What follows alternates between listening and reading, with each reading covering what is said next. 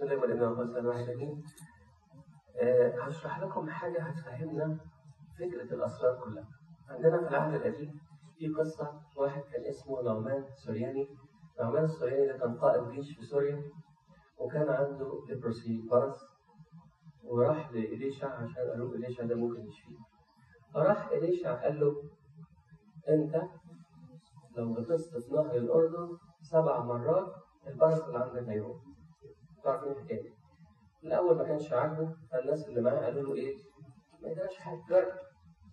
إحنا جينا مشوار كتير. فراح غطس في نهر الأردن سبع مرات فلحمه آه بقى cured completely cured بقى زي like newly born فلما شافها رجع تاني لإليشع وبعدين القصة دي فيها رمز لمهم. مين لقط الرمز ده؟ لإيه؟ مين يخلص في الأردن يتشفي من المرض اللي هو البرص اللي هو كان يرمز الخطية القصة دي رمز لإيه؟ تمام إيه؟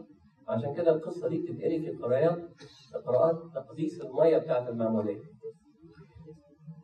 طب إيه رأيكم لو كان مش هو عمل في نهر الأردن لو راح أي نهر تاني وغطس سبع مرات كان هيحصل إيه؟ كان يتشفي ولا لأ؟ طب إيه رأيكم بقى سبع مرات ليه ما كفاية خمسة؟ طب إيه الفكرة؟ الفكرة إنه عمل زي ما إليشع قال له بالظبط فخد بركة خفية من خلال إن هو مارس اللي قال له عليه إليه دي فكرة الأسرار كلها. جه المسيح وقال تعمل كده بالظبط تنال البركة دي. تجيبوا مية. تصلوا عليها. تغطس فيها. ظهرت تقول مبروك. مبروك. إيه الناس شايفة إيه يعني؟ واحد استحمى يعني. لا. في حاجة خفية حصلت. في خد طبيعة جديدة. اللي نزل في المية ده بسبب الخطية وقام مات مع المسيح وقام مع المسيح وطلع في طبيعة جديدة. حاجة قوة غير منظورة من خلال ممارسة طقس منظور نفس الفكرة في كل الأسرار. كاهن يجيب قربان. يصلي عليه. يحصل إيه في القربان؟ يتحول لجسد الرب ودم طب ينفع نعمل الحكاية بس نخلي بأحد الشروط؟ يعني ينفع نجيب قربان ونديه واحد تاني ونقول صلي عليه زي ما كنا بيصلي بالظبط؟ ما يبقاش حاجة يبقى بيلعب نفس الفكرة. لو بابا كارلوس مثلا اداك حتة قماشة أعرف واحدة كده كانت عندها حتة قماشة قديمة كان عندها كانسر فاداها حتة قماشة قديمة بلها زيت مرمينا قماشة قديمة قوي اللي لقاها قدامه وبلها بتقليل زيت مرمينا وبلها تاني 40 مرة. وأنا هصلي 40 قداس عملت زي ما قال بالظبط راح المرة ينفع واحد يقول طب أجيب قماشة اشيك شوية وزيت شكله أحسن شوية يحصل حاجة؟ أي خل خلل بشروط بشروط السن اشتغل ما اشتغلش فاهمين الفكرة؟ دي فكرة الأسرار كلها. كاهن يجيب اثنين ويتجوزهم ويكللهما باركهما قدسهما يبقوا الاثنين حاجة واحدة. آه مثلا أسقف أو بطرك يحط إيده على واحد وضع اليد يقول له اقبل الكهنوت ويرسمه في الرسومات ويقول له أنت صرت كاهن عندك سلطان الحل والربط ينفع واحد تاني يحط إيده على واحد يقول له يلا أنا عملت تاسيس مش عامل أي حاجة ما ينفعش. شروط السر كده المسيح نفخ في تلاميذه وقال لهم اذهبوا فتلمذوا ومن غفرتم خطاياهم غفرت من امسكتموهم سكت. زي ما عمل بالظبط نعمل. دي فكرة الأسرار كلها. إذا المسيح ادانا الأسرار دي كلها علشان يثبتنا فيه قال لهم أنا بعد ما عملت عهد معاكم وعرفت إن أنا بحبكم وأنتوا كمان اتعهدتوا إن أنتوا تبقوا معايا أنا عارف إن أنتوا مش هتقدروا تثبتوا فيا إلا لما اديكم حاجات تساعدكم خدوا بقى الأسرار دي كلها هدية تساعدكم إن أنتوا تثبتوا فيا. آه مثلا سر التناول يسموه سر الأسرار لأن ده أهم سر وده يعتبر الجول بتاع الكنيسة. يعني لو عندنا كنيسة ما فيهاش تناول بنقول لا زي ملعب كورة ما فيهوش جول بنجري بس مش عارفين الجول بتاعنا التناول.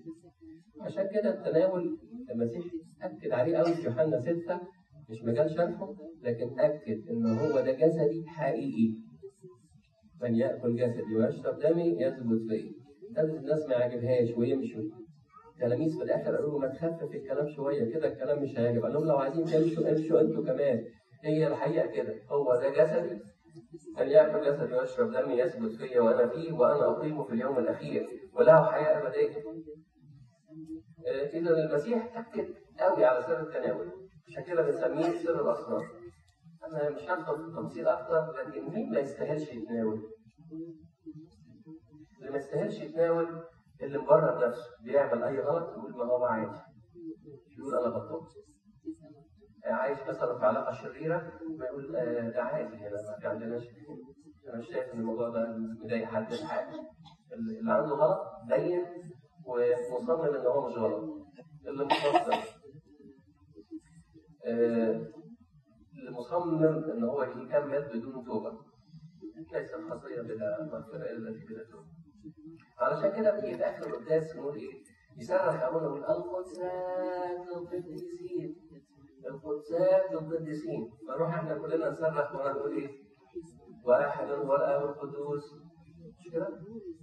فراح إحنا كلنا مش قديسين القديس الآب والابن والروح القدس أمال إحنا نعمل إيه؟ إحنا هنروح من التناول فيروح بعدها أبونا يقول إيه؟ ايريني باسي اهدوا أنتم قديسين ما دام فاهمين الحتة دي معناها إيه القداس؟ ما تخافوش أنتم قديسين طالما بتتوبوا أنت شايف إن أنتم مش قديس وواحد هو الاب القدوس وواحد الابن القدس بس أنتوا ما دام بتتوبوا أنتوا بتتقدسوا الاعتراف بي- بيخفف حمل علينا المسيح قال لنا أنا يعني ده الناس دلوقتي بتدور على دكتور نفسي بس شغلته إنه يسمع. عشان ترتاح. نفسي واحد يسمعني مش مهم يقول لي الكنيسه أصلا مرتباه من زمان في سر اسمه الاعتراف. والاعتراف مش بينك وبين ربنا. آه، وليها أدلة كثيرة. لكن المهم إن الاعتذار لما الواحد يع- يعني يعتذر يكون فعلا ندمان مش اعتذار مش اعتراف إيه طب يا سيدي سوري إحنا متأسفين حقك علينا حتى إحنا بينا وبين بعض لما بنعتذر لبعض بالاسلوب ده ما بيرضاش بالاعتذار يعني واحد مثلا يخلص مراته وبعدين يقول معلش طب يا سيدي حقك عليا ما تزعليش. تقول له نعم. واضح إن ده مش اعتذار مش ابلاغ شاول في العهد القديم عمل الحركة دي. راح صموئيل يقول له أنا مسحتك كاهن وأنت إزاي تقدم ذبيحة؟ وأنت إزاي قعد يراجعوا على الاغلاط كان ساعتها بيراجعوا على موضوع إن هو آه، كان في شعب عماليق ربنا قال لهم شيلوا الشعب ده وما تاخدوش حاجة من الغنايم فشاول خد شوية غنايم ما رضيش شوية غنم قالوا له إيه اللي أنت عملته ده؟ قال له خليتها عشان نقدم بيها ذبايح. قال له لا ربنا مش عايز ذبايح بالطريقة وقال لك ما تاخدش حاجة من الظلم ما تاخدش حاجة من العدل قال طب يا سيدي إحنا متاسفين ما تزعلش حقك علينا تعالى بقى كريم قدام الشيوخ. قال له لا لا لا. ده مش اعتذار حقيقي. الاعتراف يعني واحد ندمان قاعد مع ربنا قال له أنا أنا بقول إن أنا غلطان. وما إن أنا غلطان عايزك تحلل حمل الزحمة عليا. أتذكر قصة يمكن حكيتها كتير لكن أثر فيا قوي إنه بداية كهنوتي أو في يوم لما كنت تاسيسي على مع ابو خلاص كان سليم رحت غير قبل بشويه يعني اثبت كده عند الجسد واقول له شكرا فراح واحد مسكني من ايدي قال لي انت كاهن ولا راهب؟ فضحكت قلت له أنا لسه كاهن من 10 دقايق قال لي طب تعالى أنا عايزك راح واخدني في كورنر كده وزنقني بايدي الاثنين وهو كويس يعني ربنا يبارك فيه قال لي أنا عايز أعترف قلت له ما تعترف عن أي حاجة قال لي لا عارفين والبابا شنو يعرفني أنا عايز واحد زيك. انسى شكل خليتي دلوقتي مش عايز مش عايز أركز معاك.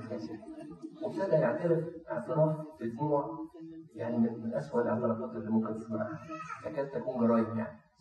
ابتدى يعترف ويعيط وأنا أطلع يمين شمال حاطط كده محجز عليا ما تطلعش. من هنا سيبني استريح سيبني يعترف اعتراف بدموع يعني من, اسوء الاعترافات اللي ممكن تسمعها. تكاد تكون جرايم يعني. ابتدى يعترف ويعيط وأنا أطلع يمين شمال حاطط ايده كده محجز عليا ما تطلعش. من هنا سيبني استريح سيبني ارتاح من الحمل اللي على قلبي. قعد يقول يقول في الآخر قال لي لي التحليل لسه مش حاصل. قال نعم يعني الاعتراف راح على الأرض. قلت له لا استنى ما أشوف الخلاجي الخلاجي فين؟ هو ده لا مش هو ده المهم قريت له التحليل. يا كان وقت يتنطط. أنا ارتحت ليا 20 سنة بحضر القداس حتى مع قداسه البابا شنودة وساعه التناول ازوغ لأن أنا ما ينفعش اتناول أنا عايز اتناول دلوقتي. لا بتصحى بكرة. لسه هستنى لبكرة؟ هو انت بقالك 20 سنة المهم ان هو ارتاح الاعتراف الحقيقي اللي الواحد بيفضل اللي جواه غير الاعتراف الشكلي يخش يا ابونا ازيك يا ابونا وحشتنا المؤتمر كان جميل صلواتك حللني ده أي كلام طبعا. حتى لو ابونا قرب التحليل مفيش توبه ومفيش ندم ده اعتراف بجد. الاعتراف الحقيقي يساعدك جدا إن أنت تثبت في النعمة. ده الاعتراف الحقيقي.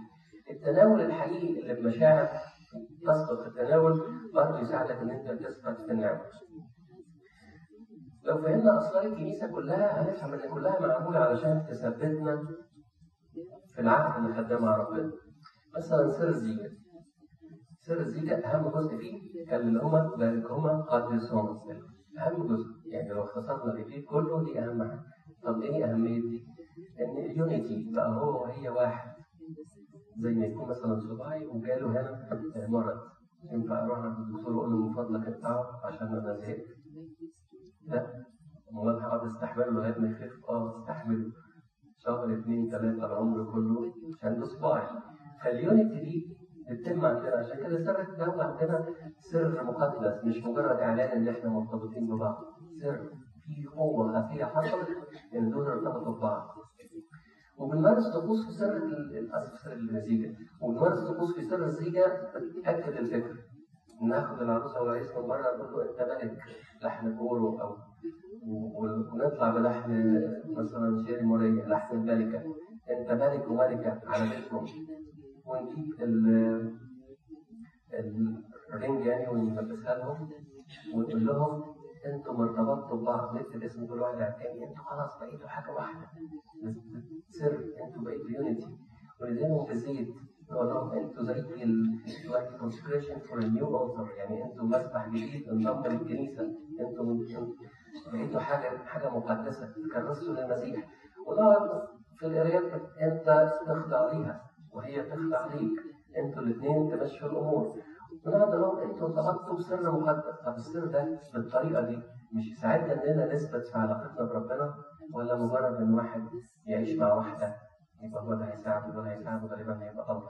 اذا اسرار الكنيسه كلها معموله كوسيله مساعده علشان تثبتنا في العهود اللي خدناها مع ربنا. فابتدت الكنيسه سر تاني اسمه سر مسحه المرضى. هاتوا زيت وصلوا عليه خصوص الكنيسه يدهنوه فيشفى المريض.